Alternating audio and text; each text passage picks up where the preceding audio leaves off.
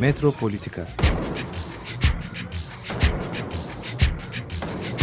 Kent ve kentlilik üzerine tartışmalar. Ben oraya gittiğim zaman balık balık balık balık tutabiliyorum mesela.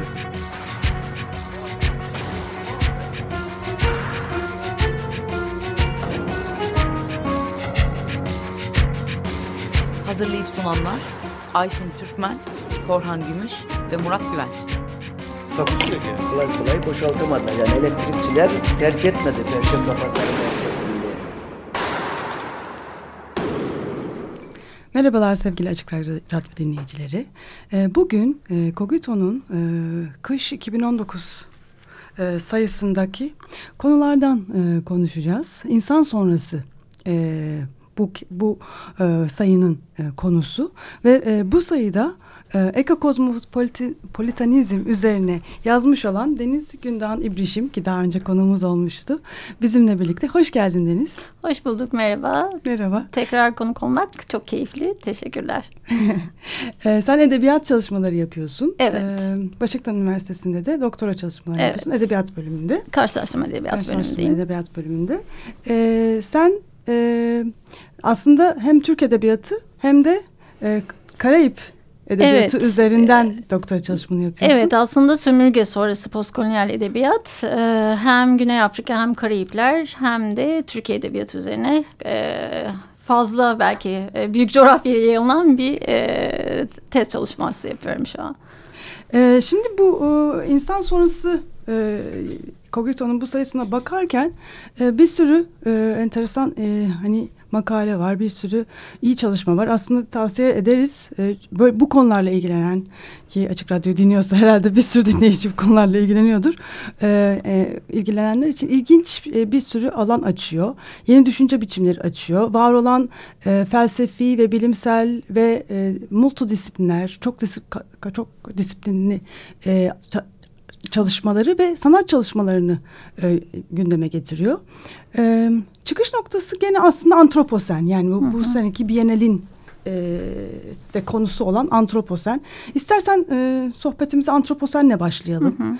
Antroposen neydi, ne E, ve e, insan sonrası ne? Hani ne, ne demek istiyor insan sonrası diyerek? Çünkü aslında bir e, bu sayıda olan bir yazarın kitabının da ismi insan sonrası. Evet. Ostuyman. Evet. E, istersen antroposen ne diye başlayalım. Tabii ki. Ee, daha önce de seninle evet aynı konuları da e, benzer bir şekilde konuşmuştuk. Ee, özellikle insan faaliyetlerinin günümüzde çok etkili olduğu. Ee, insan faaliyetleri derken tabii ki sanayi devrimi hatta daha onun öncesinde de çıkan e, bir şekilde yaygınlaşan işte e, nükleer felaketler, e, ekolojik yıkım, neoliberal pratikler e, nedeniyle gezegenimizde yeryüzünde oluşan e, ve artık telafisi olmayan ve geri dönülemeyen bir çağ. Hani bu çağ aslında yeni bir çağ değil. Ee, başlangıç noktaları dediğimiz gibi e, çok önceye dayanıyor. Ama artık telafisi olmayan bir jeolojik güç haline e, gelen e, bir e, konudan bahsediyoruz ve bunun gerçekten çok yönlü e, yansımaları var. Gerek e, sanatta, edebiyatta, gündelik yaşamda. E, bugün gelirken gene elimde olmadan yani çok e, çok üzücü ama e, Avustralya'daki yangın fotoğraflarına gene bakıyordum ve orada e, koala yavru bir koala annesine sarılarak sanki yas tutuyor. Ve aslında antroposen dediğimiz şey tam bu noktadan başlaması gerekiyor sanırım. Ee, insan merkezli, e, insan faaliyetleri yüzünden e, bir şekilde felaketler o- oluyor ve biz aslında e, düşüncemizi, zihnimizi, e, gördüklerimizi, deneyimlediklerimizi insan merkezinden nasıl çıkartıp başka bir yerden bakabiliriz?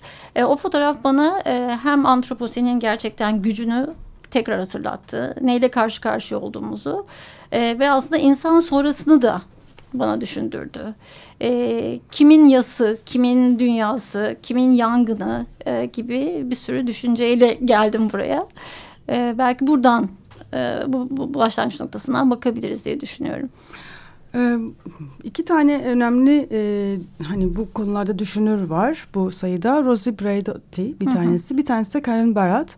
Bu Karen Barat'ın e, yazısında e, antroposenin başlangıcının işte o nükleer e, e, felaket ile olduğu yani aslında nükleer felaketin de bildiğimiz gibi Hiroşima olmadığı daha önceki bu nükleer denemelerle başlamış olduğu e, düşüncesi var.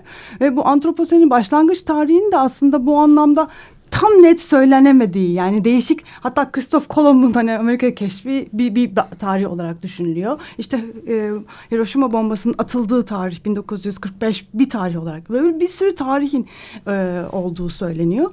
Tam da bu noktada aslında Karen Barat çok e, önemli bir e, eleştiriyle bu, bu, bu şekilde zamana bakıyor. Kendisi kuantum fizikçisi de olduğu için lineer zamanın aslında e, tekrar düşünülmesi yani e, zamanın lineer olarak akıtılıyor e, böyle bir şekilde algılanıyor olmasının ne kadar problemli olduğu ve bu zamanların aslında birbirini içselleştir iç, iç- içinde tuttuğu e, farklı algıların ol, olması gerekliliğini ve bu, yani biz bunlardan konuşurken bile bu algıda bir türlü var edemediğimizi yani bunun biraz e, zorluğunun da hani ortaya konularak bu- bunu söylüyor.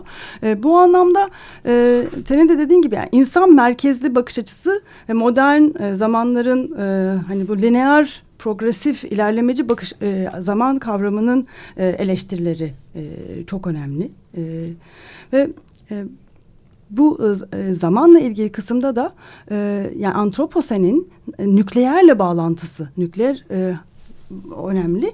Çünkü burada e, bir yandan da bu felaket zaman e, anlayışı var. Yani eğer biz nükleer e, patlamayla başlatıyorsak hakikaten e, o yani özellikle şimdi tabii bu kadar gündemde olmuyor ama 1950'lerde 60'larda e, bütün dünya hani ne zaman nükleer bomba patlayacak ne zaman dünya sona erecek. Yani böyle bir kıyamet, Kıyamet ideolojisi zaman. kıyamet zamanla var oldular. E, ya- bunun belki burayı biraz düşünmek gerekiyor. Yani antroposen dediğimiz zaman bu kıyamet zamanla var olmuş olan bir dönemden bahsediyoruz. Kesinlikle öyle aslında kıyamet zamanı, travma zamanı bir şekilde o kıyameti gerçekten bir mekan ve zamanı çiviliyor ister istemez. Ama Karen Barrett'ın kuantum fizikçi olmasından gelen gerçekten çok katmanlı ve çok karmaşık e, bir e, anlatısı var. Onu hani burada belki uzun diye tartışamayız ama e, şu noktadan bakıyor Karen Barrett e, çok yönlü süreçlerin her zaman eş zaman olarak bir arada varoluşu. E, farkın farklılığını tanımak. E, o yüzden e, mesela hep aynı örneği veriyor anlatılarında. İki tane e, dalga çarpışarak çok yönlü kırılmalara sebep olabiliyor ve aynı anda iki farklı dalga aynı yerde bulunabiliyor. Yani kuantum fiziğinden gelip e, senin dediğin gibi zaman mekan algısını tamamen yerli bir ediyor ve zaman mekan aslında ona birleşik yazıyor. E, bunun e, hiç doğrusal bir zaman olmadığını hatta Walter Benjamin'e de çok e, atıfta bulunuyor. E, homojen ve boş bir zamanda yaşamadığımızı e, bütün farklılıklarla birlikte ama farkın kendisinin de bir fark olarak kaldığı e, bir anlatıdan bahsediyor. E, ve bunu yaparken de gerçekten e, sadece Hiroşima'ya referans vermiyor. Hiroşima'nın çok daha öncesinde özellikle Amerika'da Teksas'ta deneme amaçlı yapılan e, çölde deneme amaçlı yapılan e, nükleer patlamalardan ve o nükleer patlamaların e, partiküllerinin her yeri çöle insanlara işte Orada yaşayan eser esasında yerli halka. Yerli halka evet e, sıçramasından ve bir şekilde o partiküllerle o atomik e, parçalarla birlikte yaşamı sürdürdüğünden ve o yüzden senin dediğin gibi gerçekten o kıyamet zamanında ta bedensel olarak içinde hissettiğinden bahsediyor.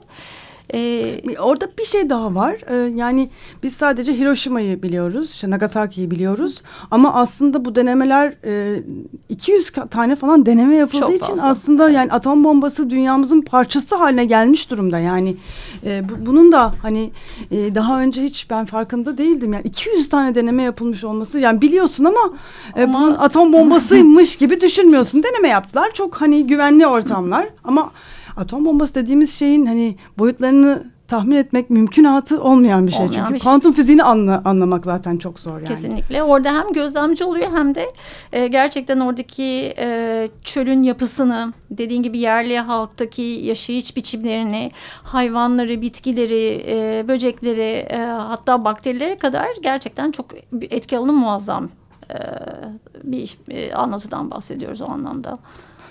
Ee, bu e, yani şeyde de bu sayıda da gördüğümüz gibi e, işte Karen Barrett, Rosa Braidotti, e, genelde e, işte Anna Singh, Donna Haraway, e, Türkiye'de de öyle. E, sen e, feminist yazarlar ve kadınlar daha çok yazıyor bu konuyu. Ya bu da önemli bir şey herhalde. Yani feminizmden e, ciddi bir şekilde beslenen bir e, akımdan bahsediyoruz ve kadınların çok daha duyarlı olduğu, çok iyi çalışmalarla ortaya çıktıkları bir alandan bahsediyoruz. E, belki burayı da e, yani erkek e, egemen bir dünyaya alternatif kadınlardan gelen ve kadın enerjisinin, e, kadın e, çalışmalarının ne kadar önemli olduğunu vurgulayan Burası da hani hı hı. modernin e, o beyaz erkek eril e, düşünce biçimlerini sorgulama açısından burası da önemli herhalde. Evet kesinlikle çünkü e, özellikle Rosie Braidotti e, aslında hep Butler, Judith Butler, Deleuze, e, Foucault bütün onların hani mirasıyla birlikte hatta e, Butler'la böyle hafif atışmaları bile oluyor. Onlarla birlikte farklı bir alan açıyor. Çünkü erkek aklın o rasyonelitenin e, kozmosun en tepesine yerleştirilmesinin aslında reddi. Hümanizmin tam olarak reddi diyemeyiz ama hümanizmin o aydınlanmacı bakışı, kutsayan bakışına bir red olarak bir cevap e, veriyor. Ve e, bu insan sonrası Rosie Braidotti'nin e, çalışmasına da çok da güzel çevrilmiş. E, şu bölüm vardır. E, Foucault'un... E, okyanusta kuma çizilmiş bir e, insan erkek insan figürü vardır. E, o okyanus dalgalarıyla birlikte siliniyordur ve e, Braidotti bunu şöyle okumayı tercih ediyor. Hani bu acaba tekrar bir soyun tükenişi mi erkek egemen aklım soyun tükenişi mi bu dalgalar e, yoksa e, yeniden bir başka türlü bir taze kan mı yenilenme mi aslında bu soruyla başlıyor. E, ve gerçekten o rasyonelitenin e, erkek egemen aklın e, bir şekilde altına oymak için e, yola çıkıyor. Ama en önemli şeyi sanırım e, Braidotti'de gördüğümüz insan olmayan failler ile olan ilişki biçimimiz. E, çok fazla dediğimiz gibi e, insanı kutsayan, e, aklı kutsayan ama e, animizmi e, ya da o canlı yaşam enerjisi ki e, Bradiotti buna Zoe diyor bios karşısında. E, onu nereye koyacağız e, ve onunla birlikte nasıl özne haline geliyoruz? E, sanırım buradan e, yaklaşıyor. O yüzden onun e, derdi meselesi her zaman e, insan dışı, insan olmayan hayvan, bitki, e, mekan, e, bakteriler, virüsler e, biz onlarla nasıl çok katmanlı bir ilişki içinde olabiliriz ve aslında bu ilişki bizi nasıl e, göçebe bir özne haline getirebiliyor. Çünkü gerçekten özneyi çok sabit artık kendinden menkul sabit bir yere çivileyemiyoruz. Peki bu o, Zoe Zoe ile Bio arasındaki fark ne? E, aslında antik Yunan'dan e, alıyor e, Braidoti bunu. Bios e, daha çok insanın e, yaşam alanı. İnsanın e, insanın doğası. İnsan doğası. Yani evet. insanın e, hani gördüğü doğa, gördüğü algıladığı doğa. doğa. Evet, insan hmm. pratiklerinin gerçekleştiği doğa. Ama dediğimiz gibi doğanın içinde bambaşka bir hayat. E, çok farklı canlı türleri, çok farklı biyoçeşitlilik, e, türler arası e, geçişler e, ve onu Zoe olarak, onu bambaşka bir yaşam gücü olarak. İnsan merkezli olmayan. İnsan merkezli olmayan bir yaşam gücü olarak ortaya koyuyor ve aslında yaşamın kaynağında o olduğunu söylüyor. E, Bios'un e, sınırlı kaldığını ve yaşamın kaynağının Zoe olduğunu söylüyor. Ve onunla daha çok hemhal olarak e, biz oradan nasıl bakabiliriz? Bize anlatmaya çalışıyor. Ya, e, şimdi Foucault'un da e, etkisiyle hani öznellik kavramından, subjectivity, kavramından e, yola çıkıyor. Yani nasıl bir öznellik? Hani bu e, hani insan merkezli olmayan e, bir düşünüş biçiminde nasıl bir öznellik e, ol, e, olabilir. Bununla ilgili aslında e, Spinoza'ya gidiyor. Hı. İşte e, Deleuze'den, Derrida'dan faydalanıyor. Foucault'dan yani. Yani e, yeniden bir öznellik tanımı e, etrafında dönüyor aslında. E, burada işte senin de dediğin gibi insan artık olmayan yani, mer yani merkezinde insan olmayan bir bakış açısında öznellik biçimlerini artık konuşmaya başlıyoruz. Kolay değil aslında bunları tasavvur etmekte. Evet çünkü e, aydınlanma ve hatta daha öncesinden de başlama en çok aydınlanmada gördüğümüz aslında her şeyin ölçüsünün ölçeğinin insan aklı olduğu. E, bedeni bile değil. Bedeni yani. bile kesinlikle. Beden bile yok sayılıyor. Yani. Evet ve, ve bunun dışına çıkmak özellikle temsil meselesinde sanatta, evet. edebiyatta, plastik özellikle plastik sanatlarda bunun ötesine çıkmak tabii ki e, zorlayıcı. Ama burada Cogito'nun hem insan sonrası sayısında karşılaştığımız makaleler mesela e, sanırım Sevin Burak'la ilgili bir e, makale var. Sevin Burak'ın insan olmayanlarla ilişkisi üzerine bir makale var. Ee, Sezen Kutup'un yazdığı. Bağırsağıma bir aşk mektubu, bağırsaklara yazılan özel bir e, mektup var. E, artık düşünce biçimimiz, ilişkilenme biçimimiz, e, özne, nesne ikiliği ayrılığı gerçekten kırılıyor. E, ve hele hele günümüzde yaşanan bütün doğa olayları, e, doğa insan ayrımının artık kalmadığı ve birbirimizde dolaştığımız, dolaşıklık içinde olduğumuz bugün de gerçekten farklı özneler haline geliyoruz. Ve artık o insan özne, bildiğimiz insan özneden konuşamaz hale geliyoruz. E, çünkü biz de bir aslında türüz ve onun farkına belki varmamızı sağlıyor bedenimizin farkına varmak bile hani tamamen beyin üzerinden ya da kalp ve beyin üzerinden hani bedenimizi. Bu şey çok hoş hakikaten bu bağırsakla ilgili olan çalışmalar. Sadece işte buradaki yazıda da e, bahsedilmiyor. Gut feminizm yani bağırsak feminizmi Hı -hı. diye bir kitap var Elizabeth Wilson'ın. Benim gerçekten e, hani çok ilgimi çekti. Çünkü feminist e, feminizm çıkış noktası da aslında hani akıllı kadınlar ak, aklın öncel e, öncülüğü ve bedenimizi yok sayan bir feminizmdi. Yani işte anneli anne olmayı kutsayan. E, evet, e, kutsamayan. Kutsamayan evet yani kutsamayan, kutsamayan tabii yani ki. Kutsa, o kutsayan e, sisteme karşı, karşı biz hayır direnç. biz e, direnç evet. gösteren ama e, yani e, işte doğurabilen bir beden var. Hani bu bu bedeni yok saymadan feminist hı hı. anlayışın şimdi daha da öne çıkmış olması hı. çok önemli. Ve bağırsaklar e, yani beyin kadar bizi idare ediyor. evet. daha, daha çok idare ediyor. Ya bu makale hani o anlamda çok çok enteresan bir makale. E, o kitap da çok ilginç bir kitap. E, yani bir de beyin kadar zekiler yani.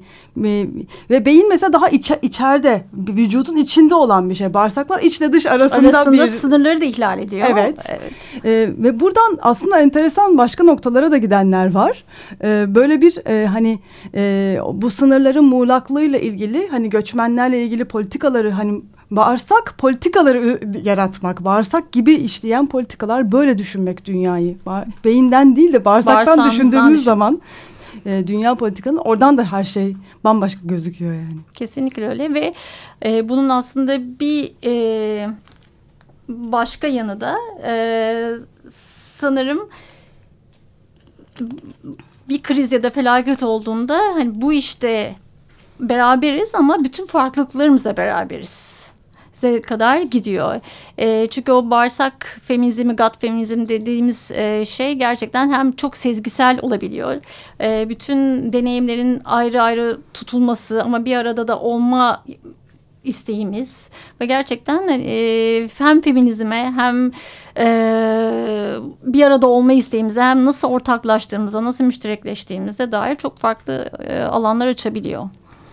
E, bu Rosie Braidotti'nin bir de hani e, üst, e, e, altına çizdiği önemli bir şey var. E, şöyle diyor.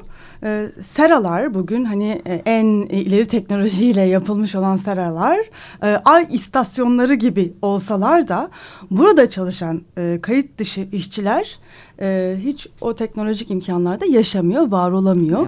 E, yani hatta yok sayılıyor. Hani varlıkları bile e, o yetiştirdikleri kadar önemsenmiyor. Yani bir de yani bu kadar hani teknoloji artık hani insanın genetiğiyle e, oynayabilen bir teknolojik noktada e, milyonlar milyarlar e, mülksüzleştiriliyor. E, işte Saskia Sassen'in bahsettiği, bahsettiği gibi e, dışlanıyor, itiliyor. Hı hı. E, bir de böyle bir durum var. Yani Rose, Rosie Braidotti'nin söylediği şey bu anlamda da yani bu öz yani bu durumun da öznellik biçimini düşünmemiz gerekiyor. Yani nasıl bir insan var hakikaten nasıl bir e, e, yani insan olanlarla bile ilişkisi çok ilginç. İnsan olmayanlarla ilişkisi daha da ilginç. E, hani bu, bu burayı da atlamıyor yani bu e, bakış açısı. Evet çünkü bunu sanırım kayıp halk olarak da nitelendiriliyor. Senin dediğin gibi e, bütün bu teknolojik ilerleme karşısında aslında o ilerlemenin e, bir şekilde e, alegorik okuduğumuzda, ironik okuduğumuzda onu aslında onun altında e, gerçekten kullanılan, sömürülen e, yerel halklar, e, kaybolan halklar, kaybolan azınlıklar, kaybolan türler, kaybolan biyoçeşitlilik e, gerçekten bunlar aslında kayıp halk, kayıp e, metinler, kayıp anlatılar. Ve bunların da e, bunlara karşı nasıl bir siyaset düşüneceğimizi, e, özellikle e, bunlara karşı ethics of care mesela nasıl bunlara karşı bakabileceğimizi, ne yönden düşünebileceğimize dair e, sorgu alanları, e, kapılar aralıyor. Hani bunun reçetesini vermiyor bize ama en azından e, başka türlü bir siyaset e, düşüneceğimizi söylüyor bu anlamda. E, beraberiz ama aynı değiliz. Hani bu çok önemli evet. bir şey onun e, söylediği. Ortak etik e, hani çıkışlar, e, bakış açıları e, olması tabii önemli. Toplumsal bir tahayyül e, gerekiyor bir arada ama bu karmaşık bir e, bir aradalık yani e, birleştirmeyen tekilleştirmeyen herkesin kendi tekilliğiyle var olabildiği daha karmaşık e, bir yapı.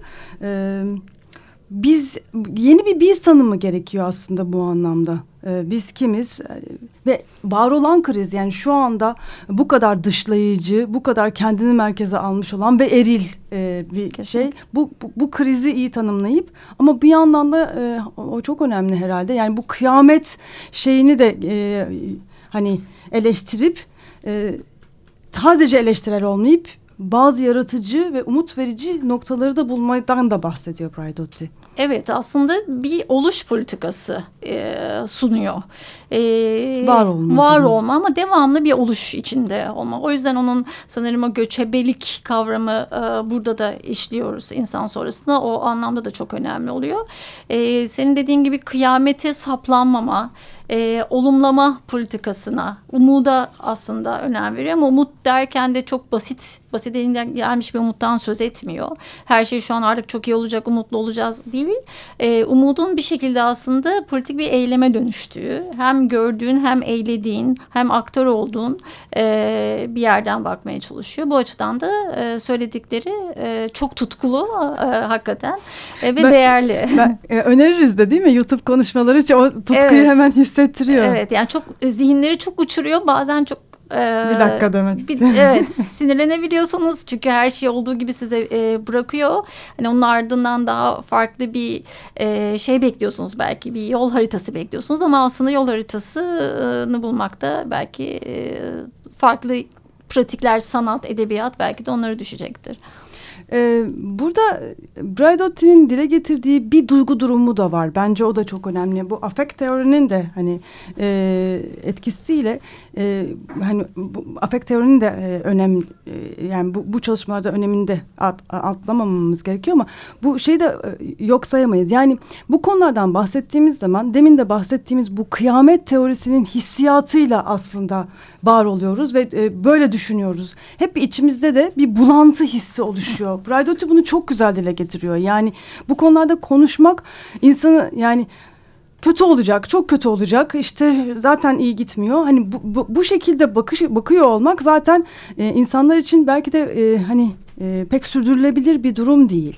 E, hatta işte Amitav Ghosh da e, böyle büyük akıl tutulması kitabında The Great Derangement kitabında bundan bahsediyor. Mesela bir e, yemek e, aileler arası böyle keyifli bir e, yemek sohbetinde e, ilk e, böyle kapatılan konu işte bu konular mesela. Bu konulardan bahsedilince insanlar bir anda tamam tamam o konuyu geçiyoruz, geçiyoruz deyip evet. bir üstüne bir e, işte içkilerini alıp sularını içip e, başka konulara, eğlenceli konulara. yani yani belki de bunu daha bir yaratıcı ve mutlu hale getirmenin yolları yani bu kitap biraz onu da e, sağlıyor. Yani bu bu sayı bence o, o anlamda da önemli. Rosie Raidotti ve e, şu Karen Barat Sevin Burak. Sevin Burak ve daha e, niceleri di- diyelim. Daha niceleri. Evet çünkü e, kesinlikle öyle çok e, distopik e, anlatının içinde e, devamlı kalmak o kuramsal yaratıcılık ya da o kavramsal cesaret de Braidot'un hep söz ettiği onun önünü e, tıkacaktır. Ama e, Braidot'un her zaman söylediği ve onun e, sıkı bir eleştirisi yaptığı ileri kapitalizmde sıkışıp kalmak e, işte gerçekten hani umudu çok basite indirgemeden ama o umutlu yolları da e, kapatmadan e, düşünmek gerek. Ben de öyle düşünüyorum. E, İstersen bir kısa müzik arası Tabii ki. verelim. E, Bob Dylan'dan e, dinliyoruz. License to Kill. Man thinks cause rules he can do with it as he please. And if things don't change soon, he will. Oh, man has invented his doom. First step was touching the moon. Now there's a woman on my block. She'll just sit there as the night grows still. She'll say, Who gonna take away his license to kill? Now they take him and they teach him and they groom him for life. Then they set him on a path where he's bound to get ill. Then they bury him with stars, sell his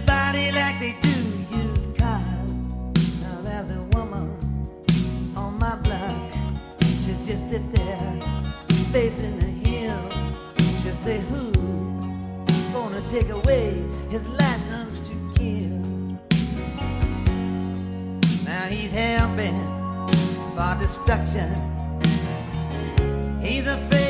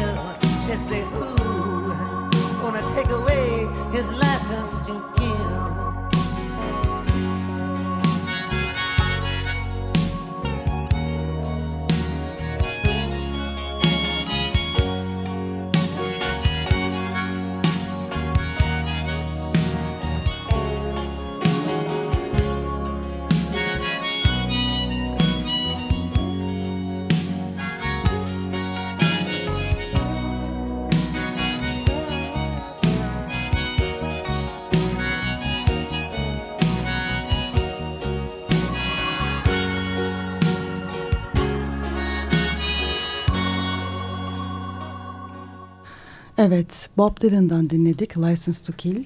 Deniz Gündoğan İbrişim'le olan sohbetimiz devam ediyor. Ee, antroposen e, ve post antroposen aslında üzerine konuşuyoruz. Ee, onu da e, hani aslında söylememiz iyi olur. Yani e, bu insan sonrası dediğimiz şey aslında antroposeni tanımlıyoruz ve aslında bunun sonrası nasıl olur artık? Hani bu yeni düşünme biçimleri bu kadar eleştirel olduktan sonra yeni alanlar nasıl açılır? Bunun peşinde olan bir şey bir sorgulama biçiminden bahsediyoruz.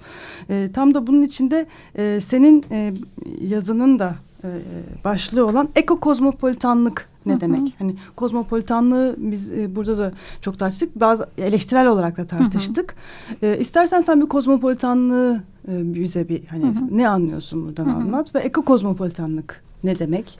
Yeni bir açılım da getiriyor çünkü e, sanırım bildiğimiz kozmopolitanlık e, kavramına. Hı hı.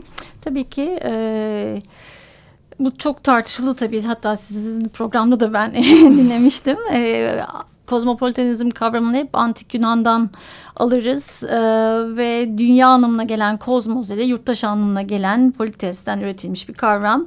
E, dünyada bulunma hali, kendini dünyada hissetme, dünya vatandaşı, yurttaş olma hali e, herkes için e, belli genel geçer bir e, kural, bir etos ortaya koyuyor. Ve bunu aslında ulus devlet sınırı içinde tabii ki yapıyor. Ve Ama bu e, yani kozmopolitanlığın kentle de bir bağlantısı var. Kesinlikle. Yani e, ulus devletin hani tahayyülünden bir, da, bir tık daha farklı bir tahayyülü var. Var, Kent- evet. ke- kent üzerinden dünya ile ilişki ilişkilenme bir şey biçimine var. e, gönderme yapıyor. E, ve ilişkilenme biçimlerinde e, din, ırk, etnisite gibi ayrımların olmayacağını e, söylüyor. Tabii ki bu Kant'ın ebedi barış e, bildirisi göndergesine e, kadar uzanıyor. E, Stoacılara kadar gidebiliyoruz. Gene dünya vatandaşı olmak, insanlık adlı büyük komüniteye var olmak demek onlar için.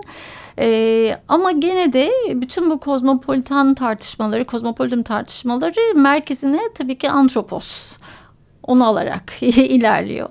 Ee, burada tabii çok çok isim sayabiliriz. Apaya'yı sayabiliriz, başka bir, bir sürü isim sayabiliriz ama ekokozmopolitanizm ise e, bir şekilde bu ilişkilenme biçimini insan olmayan canlılar, hayvanlar, bitkiler, mikroplar, bakteriler onları da e, ilişkilenme biçimine katarak düşünmeye öneriyor. Kozmos. Kozmos evet. Yani aslında e, bunu yaparken de e, Bruno Latour'un e, sorusuyla aslında bütün bu e, açılım gerçekleşiyor. Özellikle Amerika'da ve akademik çalışmalarda kimin kozmosu, e, kimin dünyası, e, sadece insan özlemi e, bu kozmosun içine girecek. O yüzden bir şekilde başka türlü bir ilişkilenme biçimi, başka türlü bir e, kozmos aslında tahayyül, ekokozmopolitanizm. Ama bunu yaparken de e, çıkış noktası yerel ve küreselin birleştiği bir nokta sadece e, küreselleşme anlamında e, bir dünya vatandaşı olma ya da serbest dolaşım e, kendine bütün dünyada evinde hissetme gibi bir böyle bir ütopik bir şeyden de bahsetmiyor. E, yerelin de aslında yerel politikaların da e, yerel halkın da e, bir şekilde o farkın da gözetildiği e, aynı anda küresel bir yerin çok farklı bir şekilde çarpıştığı bir alanda bahsediyor. Bunu en iyi e, ben yine edebiyatta görüyorum. Mesela demin söyledin Amitav Ghosh dedin. Amitav Ghosh'un özellikle e, bu kozmopolitanlığı eleştirdiği e, ve e, Hindistan'da farklı yaşam türlerini, farklı biyoçeşitliliği de kozmosun içine kattığı romanları vardır. River of Smoke. River of Smoke, The Hungry Tide e, ve son e, aslında romanı Gun Island e, gene e, Hindistan bölgesinde e, özel bir yerden e, bahsediyor. Sunder, e, Sundarbans diye Hindistan ve Bangladeş'teki e, mangrove ormanından bahsediyor. E, ve o ormanda e, yaşayan e, aslında e, türlerden, kaplanlardan ve o kaplanların e, yaşamlarının nasıl tehlikede olduğunu ve kozmosun aslında nasıl dışında bırakıldığından bahsediyor. Tam da bu noktada aslında ekokozmopolitanizmi düşündüğümüzde sadece insan ve insan öznelerin birbiriyle olan ilişkisi ya da kendini evinde yurttaş hissetmesi değil, e, bütün canlı türlerinin e, birbirleriyle olan o dolaşık halinde farklı bir tahayyül. Ee, bunu aslında ben de yazımda e, inceledim. Ee, özellikle Kant'tan e, ebedi barış üzerine e, dünya vatandaş hakkı, işte evrensel misafirperverlik her zaman bu antroposu kutsadığı için onun dışına nasıl çıkabiliriz? Onun dışındaki temsillere e, nasıl bakabiliriz diye. Benim çok hoşuma giden e, bir antropolog var Isabella Stengers e, diye. E, o e, kozmopolitanizm tartışmalarına yeni bir soluk getiriyor. Aslında bunlar e, çok da yeni değil. Gene 2000'ler, 2000'lerin başında e, bize şu an aslında çeviri yoluyla bir şekilde gene rüzgar ulaşıyor ama şu an hala Avrupa'da, Amerika'da çok çok tartışılan konular e, bu eko, ekolojik kozmopolitanlığı e, daha çok nasıl görünür kılabiliriz? Bunun temsili nasıl olabilir diye. E, Stangers e, şöyle bir şeyden bahsediyor. Kozmik budala karakterinden bahsediyor. Benim çok hoşuma gitmişti. E, e, tabii ki Dostoyevski'nin budala karakterine gönderme yapıyor. E, ve kozmik budala diyor... E, kozmozda, e, Kant'ın kozmozunda ya da aydınlanmacı kozmozda büyük bir yarık açıyor. E, hayatı yavaşlatıyor, sorular soruyor e, ve bunun için e, hep kurnaz tilki örneğini veriyor e, bütün eserlerde edebiyat eserlerinde ya da e, gündelik yerel halkın e, mücadelesinde o tilki gerçekten e, bir şekilde kendi kurnazlığıyla kendi kıvraklığıyla e, manipüle becerisiyle olan hayatı yavaşlatıyor. Bunun içinde Müdahale ediyor. Müdahale ediyor evet. Müdahale ediyor. Ve ben de varım burada diyor. Benim e, de kozmozum bu diyor. E, bunun bir örneğinde gene edebiyat üzerinden e, Herman Melville'nin o meşhur Bartleby karakteri üzerinden okuyor. E, yapmamayı tercih ederim e, diye bir e, söylemle çıkıyor Isabella Stangers. Ama neyi yapmamayı tercih ederim şey değil mi? Yani ona söylenenleri. Ona söylenenleri yani evet. müdür, başındaki müdür tarafından müdür, kesinlikle, ya da otoriteler ot tarafından otoriteler, statüko yapmamayı, tercih, yapmamayı tercih ederim. Bir şekilde hayatı yavaşlatma politikası aslında. E, ve e, bütün o diğer canlı türleri, hayvanlar, bitkiler, ağaçlar, dediğimiz gibi e, demin konuştuğumuz bakteriler, virüsler, mikroplar aslında e, her zaman bizimle beraber, her zaman e, yaşam alanlarımızın içinde. Bağırsaklarımızda Bağırsaklarımız e, ve bunlar bir şekilde kozmosun içinde ve bizimle beraber ve biz tek e, hani büyük e, tür değiliz. E, ve buna bir şekilde e, kozmik e, müdahale ediyor.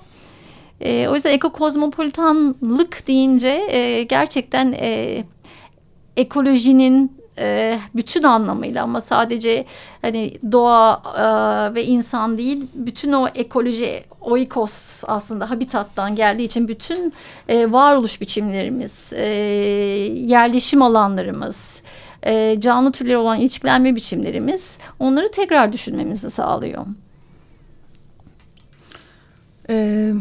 İstersen e, programın yavaş yavaş sonuna da gelirken e, biraz belki de hani hem e, bunun nasıl temsil edildiği yani nasıl temsil edeceğiz yeni dünyayı yeni şeyi nasıl temsil ediliyor. Nasıl edebiliriz diye bir hani biraz e, çünkü bir yandan da bunlarla ilgili mesela işte bir sürü şarkılar var romanlar var. Evet temsil ediliyor ama e, şey var biyeneller var Biyeneller ve artık var. sanatçılar bu alana e, çok ciddi bir şekilde e, el atmış durumda.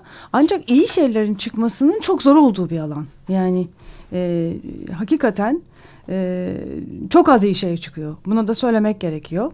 E, o yüzden e, yani buradaki o temsil sorunu da e, önemli. Çünkü e, yani programın başından beri konuştuğumuz gibi o öznellikten kurtulup yeni bu tahayyülle o öznelliğimizi inşa edip bunun içinden yaratmak kolay değil yapanlar var. E, hep sınırlarda dolaşıyoruz hepimiz. Yani konuşuyoruz, ediyoruz ama e, kolay değil bu alan. E, iyi örneklerinden de belki konuşmak e, biraz Faydalı olabilir. Evet. hani biz nasıl yaşayacağız bu dünyada e, sorusuna da ve biz kimiz? Hani Braidotti'nin o sorusu yeni biz kimiz? Nasıl oluşturacağız? E, oluşanlar var mı? E, e, cevap ararken önemli bu temsil. Evet e, aslında dediğimiz gibi başından bir belli bir reçete sunmuyor ama sınırları ihlal etmesi, türler arasındaki o geçişkenliği ortaya dökmesi, bizi özne olarak nasıl özneler haline geliyoruz artık, e, özellikle insan makine bileşimi ya da insan hayvan farklı türlerin e, bir arada olması, dolaşık olması bizim öznelliğimizi tabii ki sorgulatıyor. E, sanat alanında... E, Paul Arden sanat tarihçisi ve e, kuratör aynı zamanda.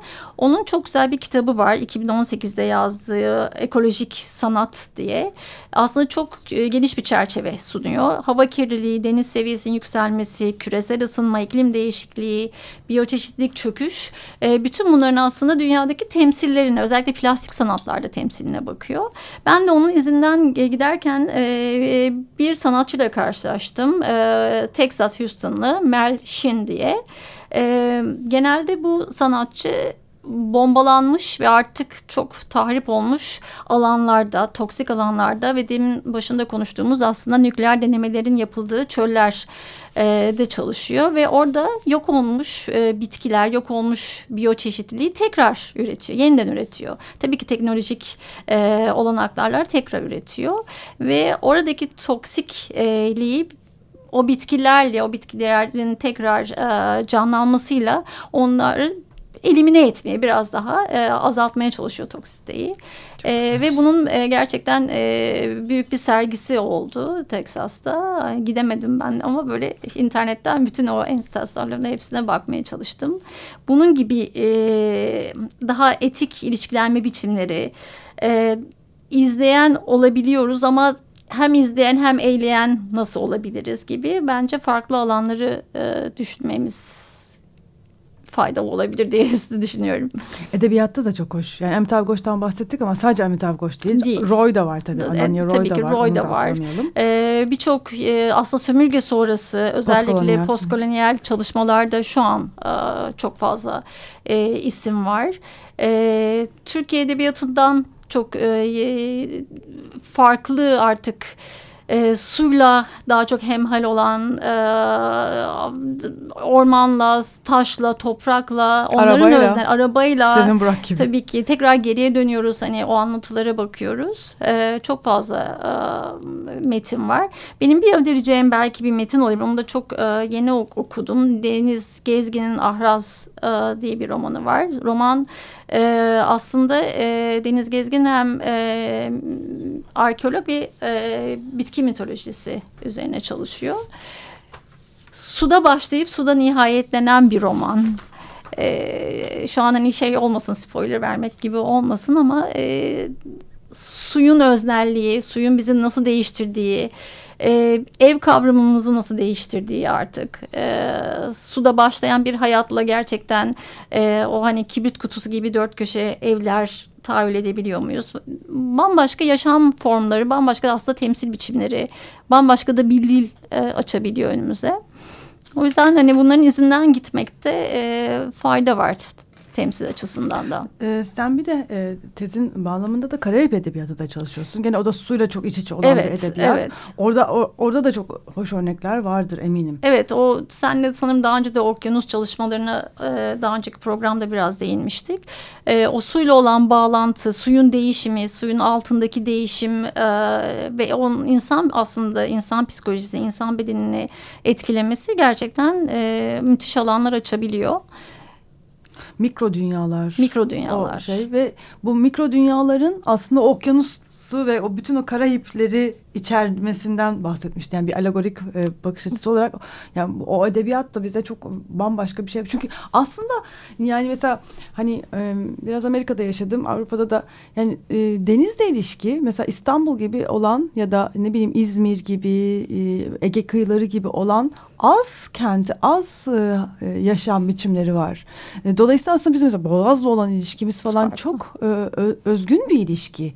E, ve biz bunu hani e, çok fazla e, dile getirmiyoruz çok fazla ya yaşıyoruz aslında belki de daha güzel ama hani e, Değiş çeşitli sınıflar e, yani e, eğlence dediği zaman işte birisi içki içmeye boğazın kenarına gidiyor. Başka birisi balık tutmaya boğazın kenarına gidiyor. Başka birisi piknik yapmaya boğazın kenarına gidiyor. Ama sürekli o e, suyla hemhal olma durumu var.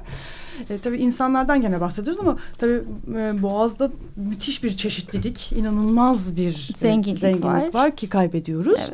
Bir de akan bir şey yani gelenler var, gidenler evet. var. Yani sürekli böyle bir devinimle orada var olanlar var.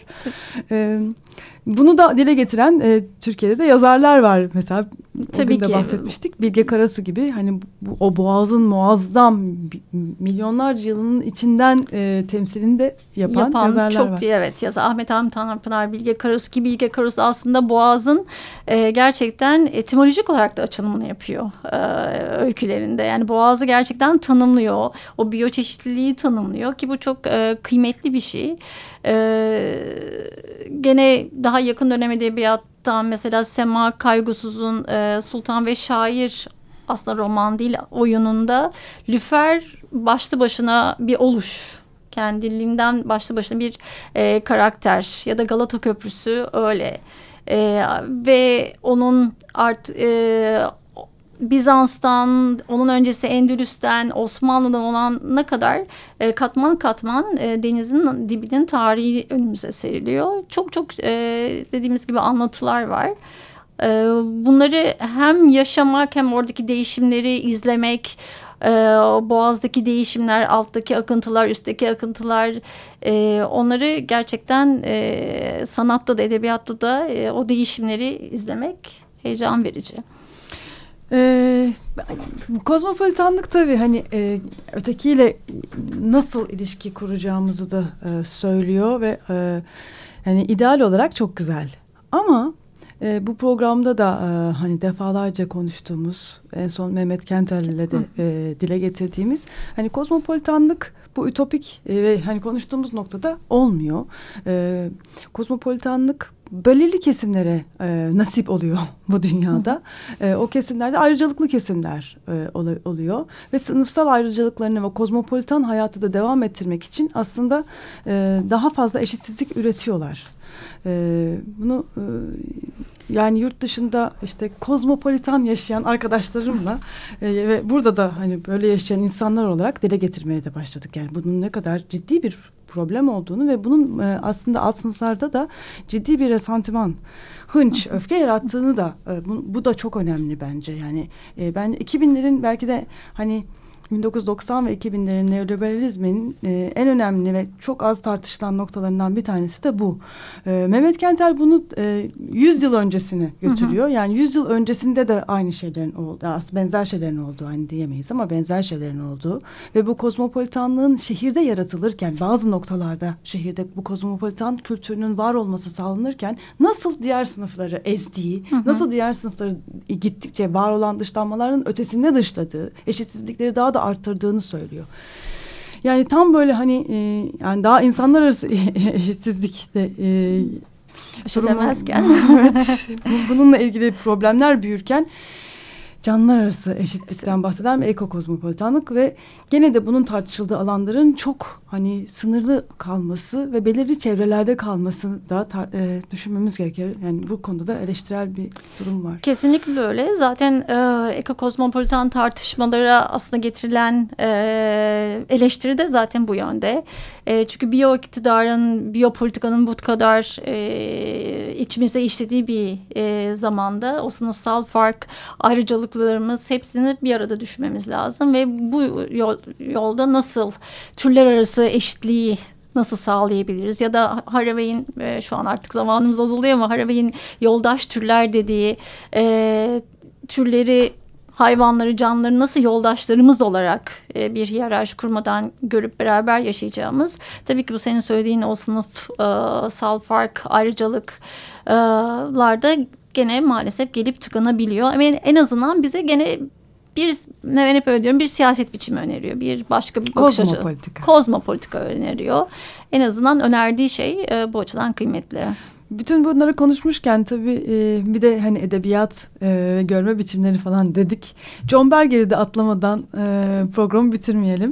E, bu John Berger'in özellikle e, biliyorsunuzdur belki e, köyde yaşamaya başlamasıyla yazdığı şeylerdeki e, hani o çeşitlilik, o, o bakış açısı e, beni büyülemişti. Bir dönem biz de köyde yaşarken e, hani o köy üzerine yazdığı şeyleri ok- okuduğumda ne kadar zor olduğunu fark ettim hayvanlarla ilişkiye geçmenin. Yani o, o ya- yani yıllarca orada yaşayarak hem köyle, köylülerle hem de hayvanlarla bambaşka yani ilişkiler kurmanın kolay olmadığını anlatmıştı. Ben bir, hani deneyeyim dediğimde hani bir- gerçekten bir eşekle göz göze gelmek. yani- Karşılaşma anı. Karşılaşma anı yani bunu söyler Berger ve e, mesela köyde yaşamış, büyümüş, e, doğmuş insanların bu anlamda çok büyük aslında avantajları var.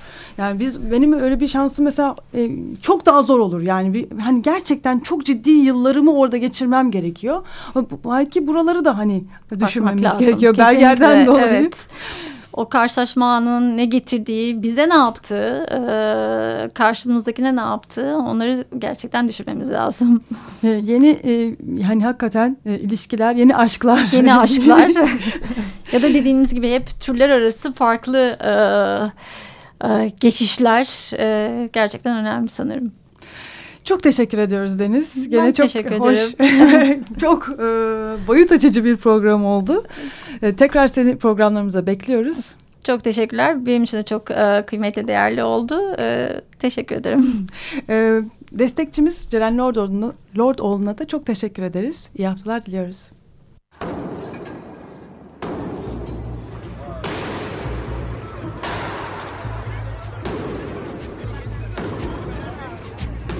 Metropolitika Kent ve kentlilik üzerine tartışmalar.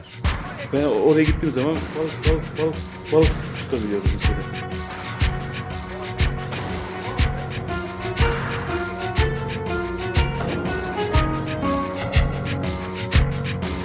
Hazırlayıp sunanlar Aysin Türkmen, Korhan Gümüş ve Murat Güvenç.